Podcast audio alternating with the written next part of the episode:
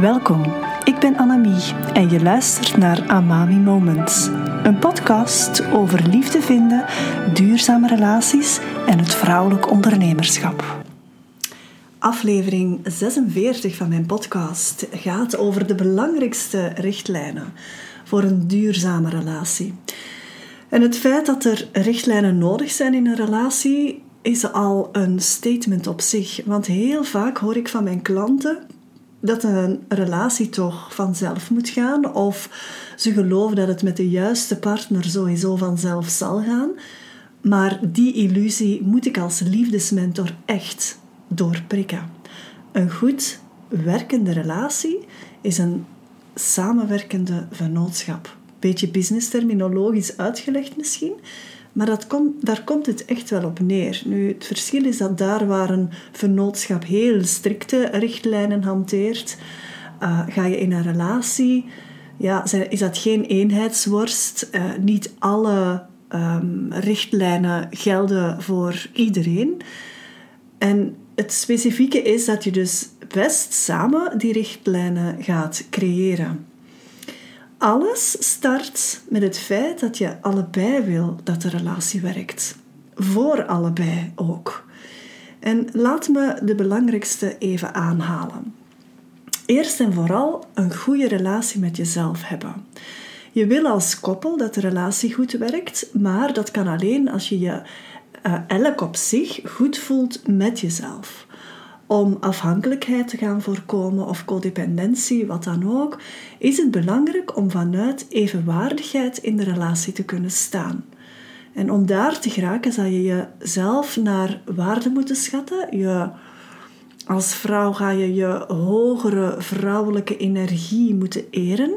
En als man ga je je fundamenteel mannelijke energie moeten eren. Dat is het, laten we zeggen dat dat het uitgangspunt is. De tweede belangrijke richtlijn, en dat klinkt heel universeel, maar toch moet je dat gaan specifieren voor jou en jouw partner, is communicatie. Het is belangrijk om open en eerlijk te communiceren. En dat kan over gedachten en gevoelens gaan, maar het allerbelangrijkste is om over je behoeften te kunnen communiceren.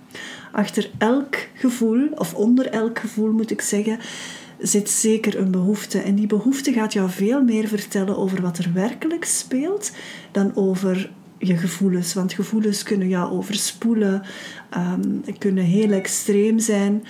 Maar behoeften is veel ja, fundamenteler. Probeer ook actief te luisteren naar wat je partner te zeggen heeft. En natuurlijk is hier veiligheid voor nodig. En dat is ook iets dat je samen creëert.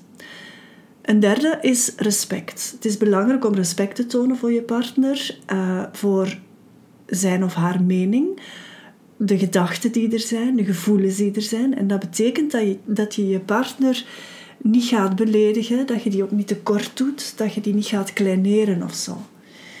Respect is iets dat je zelf ook heel graag wil ervaren en de beste manier om dat te doen is dat ook zelf naar de ander toe tonen. Een vierde is vertrouwen. Vertrouwen is een belangrijk component van elke duurzame relatie. Ik zou een hele podcast kunnen wijden aan vertrouwen alleen en misschien doe ik dat ook nog wel eens. Maar het is belangrijk om je partner te vertrouwen en om vertrouwen te verdienen. Dat doe je door die communicatie, die eerlijke communicatie en uiteraard ook door ja, trouw te zijn aan je partner. Een volgende is liefde en genegenheid. Natuurlijk is liefde en genegenheid een belangrijke component van een duurzame relatie. Het is belangrijk om aandacht te besteden aan het behoud van de liefde en de genegenheid die je voor je partner voelt, door tijd te nemen om samen te zijn, door aandacht te geven aan elkaars behoeften en verlangens. Het lijkt evident, maar dat is het eigenlijk niet. deze regels die ik hier opsom, die lijken echt universeel. En in hun theorie zijn ze dat misschien ook, maar de manier hoe dat ingevuld wordt is echt super individueel. Van koppel tot koppel kan dat verschillen. Een zesde aspect is samenwerken. Voor mij is dat een van de belangrijkste. Een duurzame relatie vraagt om samenwerking met je partner. Om op die manier problemen op te lossen, om tevredenheid te bereiken. Het is als het ware nodig om een herstelstrategie te kunnen hanteren. En een herstelstrategie, dat wil zeggen dat je weet hoe je problemen die je samen hebt kan oplossen. Dat betekent dat je bereid bent om compromissen te sluiten en elkaars behoeften en verlangens in overweging te nemen. Samenwerking is voor mij redelijk fundamenteel. Het zorgt voor wij in plaats van ik, voor samen in plaats van alleen. Het gaat niet over ik die een probleem heb met jou, maar het gaat over wij die een probleem aanpakken. En soms moet je je denken hier gaan omtunen. In plaats van gewoon vragen te stellen ter verduidelijking, ga je relatievragen stellen. En ik wil hier een paar voorbeelden van geven. Stel dat je seksleven op een laag pitje staat. Dan kan een relatievraag zijn: Ik wil dat we allebei een gezonde seksuele relatie hebben. Wat kunnen we samen doen om dat te bereiken? En dat klinkt helemaal anders als: Ik vind dat we te weinig vrijen. Dat is dus een, een, een voorbeeld van een relatievraag. Een ander voorbeeld van een relatievraag: stel dat je partner steeds op eenzelfde negatieve manier reageert op iets, dan kan je bijvoorbeeld vragen: wat heb je nodig? En wat kan ik daarin betekenen zodat je anders reageert hierop? Wees maar gerust dat uw partner dan ook anders gaat denken daarover en daar misschien echt ook suggesties in geeft. En ik raad je uiteraard aan om dat dan ook te gaan proberen, die suggesties, om daar invulling aan te geven. Een ander voorbeeld, stel dat je ruzie hebt gehad of een meningsverschil en je legt het bij en dan kan een relatievraag zijn, nadat je het bijgelegd hebt, van wat kunnen we beter doen de volgende keer? Hoe kunnen we dit anders aanpakken of dit beter aanpakken? En je merkt meteen aan die relatievragen dat die kwaliteitsvoller zijn, dat die meer in wij denken dan ik of jij. En daar gaat het over. Een heel belangrijk iets is om, om, om dat mogelijk te maken, überhaupt, is uiteraard veiligheid en de wil om dit te doen. Als je alleen bent hierin, dan gaat het moeilijk worden. Je moet beide je ego durven overstijgen. In het Engels zeggen ze mooi: get over yourself. En dat is het echt wel.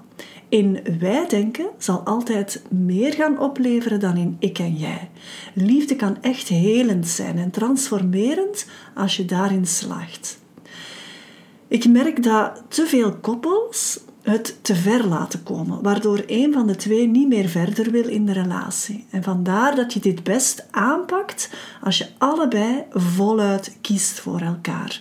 En dit is nu exact waar mijn koppelaanbod uh, in, op inspeelt. Dus ik help koppels om dit te gaan verwezenlijken.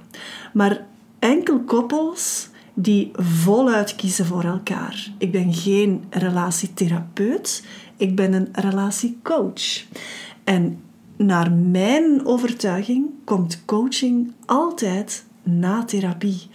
En ik zou durven zeggen, als je een goed werkende relatie wil, probeer dan voordat je überhaupt therapie nodig hebt, om ja, die zaken, die richtlijnen voor jezelf heel duidelijk te maken. Nu, misschien luister jij als single naar deze aflevering en dan kan je jezelf afvragen: wat kan ik daar nu al aan doen, nu ik nog geen relatie heb?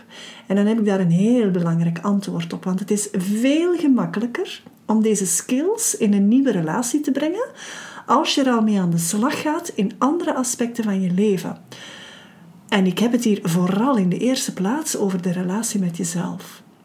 En dat is iets dat ik op mijn retreats ook altijd inbreng. Vanuit de relatie met jezelf en je relatieskills verbeteren, zodat je gemakkelijker grenzen kan zetten, relatievragen kan zetten, beter communiceert als je eenmaal in een nieuwe relatie terechtkomt. Als jij hiermee aan de slag wil, ga, boek zeker een matchcall hè, of kom eens naar een live dag. Er zijn op de eerstvolgende live dag als ik deze podcast opneem, zijn er nog enkele plaatsen vrij. Dus stuur mij een bericht, stuur mij een mailtje en kijk of er plaats is. Ik ga een linkje delen bij deze podcast om zowel ofwel een matchcall te boeken ofwel een plekje op het retreat. Heel graag. Tot de volgende. Verlang jij ook naar die duurzame, fijne liefdesrelatie met die ene speciale persoon? Of wil jij jouw huidige relatie heel graag verdiepen?